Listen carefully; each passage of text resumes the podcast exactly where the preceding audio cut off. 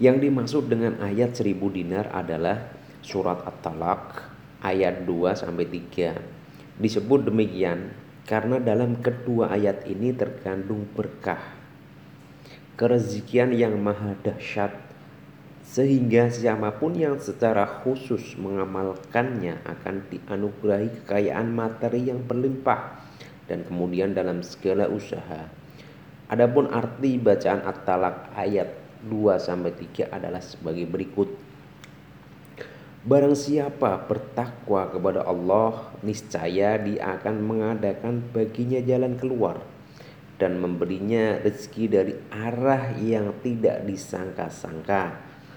Dan barang siapa yang bertawakal kepada Allah, niscaya Allah akan mencukupkan keperluannya. Sesungguhnya Allah melaksanakan urusan yang dikehendakinya. Sesungguhnya Allah telah mengadakan ketentuan bagi tiap-tiap sesuatu.